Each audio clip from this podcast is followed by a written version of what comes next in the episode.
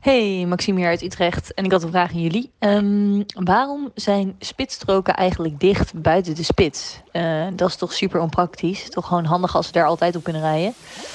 Uh, ben benieuwd of jullie dat weten. Thanks. Alledaagse vragen. NPO Luister.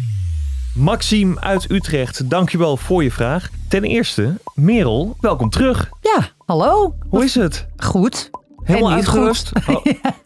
Helemaal uitgerust? Ja, nee, dat stukje ging dus niet zo goed. Maar dit is zo leuk om te doen dat het ook niet zo heel erg is. Nou, hartstikke fijn. Dus ik ben blij dat je weer terug bent. Ik uh, ook. En ik moet zeggen, die ergernis die ik net hoorde over die spitsstroken. Ja, dat gevoel is wel uit mijn lichaam. Gelukkig. Helemaal zen. Ja.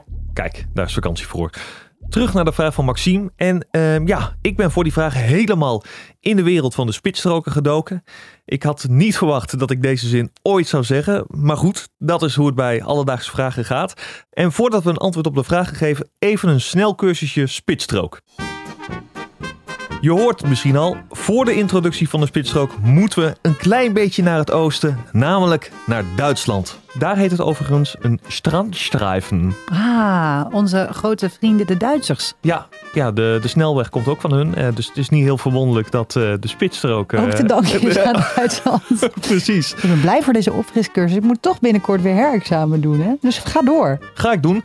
Nou ja, de spitsstrook komt dus uit Duitsland en is ongeveer in de jaren 90 in Nederland geïntroduceerd. En wat definiëren we daar nou onder? Nou, een spitsstrook dat is een pechstrook aan de rechterkant van de snelweg waar je dan overheen mag rijden. En het kan ook een extra rijstrook aan de linkerkant zijn. Maar ja, die is een stuk smaller dan, om het zo te zeggen, de normale weghelften. In de spits zijn ze dus open, maar niet altijd. En dan zijn we weer terug bij de vraag van Maxime. Waarom is dat zo? Ja, als ze er toch zijn, kan je er misschien ook een spits mee voorkomen. Precies. Door ze open te doen. Merel, dus een verkeersvraag. En dan weet jij al waar het tijd voor is.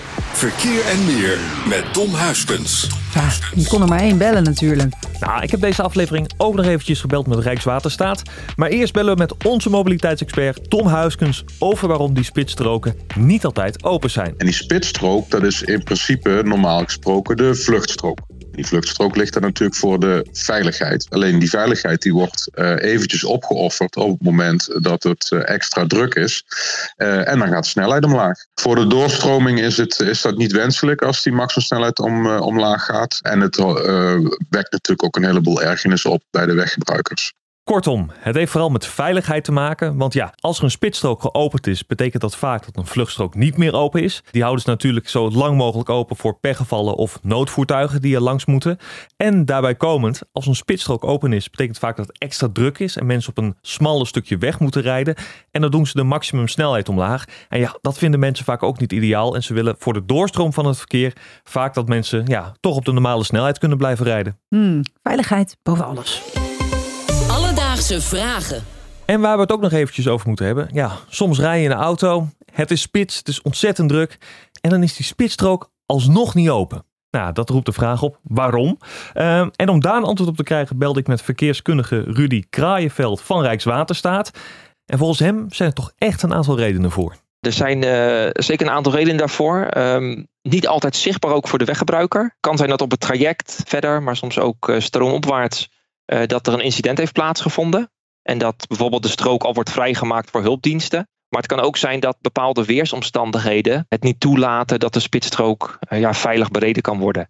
En dan moet je denken aan uh, ja, dichte mist. Maar het kan ook onder winterse omstandigheden zijn. Dat het gewoon niet gelukt is om de spitsstrook sneeuw of ijsvrij te krijgen. En als laatste reden zeg maar, kunnen helaas ook ja, onverwachte technische storingen optreden met camera's of met borden die nodig zijn, ja, dan kan het wel eens voorkomen dat de, ja, de spitsstroken niet of ja, soms later geopend worden dan gebruikelijk. Ik krijg, met die laatste opmerking krijg ik een beetje een NS-vibe. Hoezo? Een technische storing. Ja, ja, die kennen we nou inmiddels ook wel. Ja, dat klopt. Maar ja, nee, uh, wat dankjewel Rudy voor dit hele volledige antwoord. Dus Maxime, vandaag zochten we voor je uit waarom de spitsstrook niet altijd open is. En volgens Rijkswaterstaat gebeurt dit vanuit veiligheidsoverwegingen.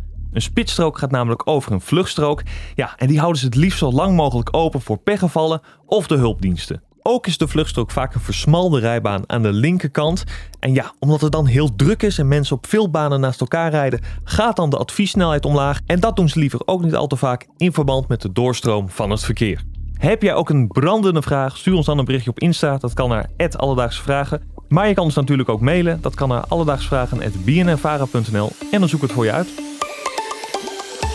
Alledaagse Vragen. NPO Luister. BNN Vara.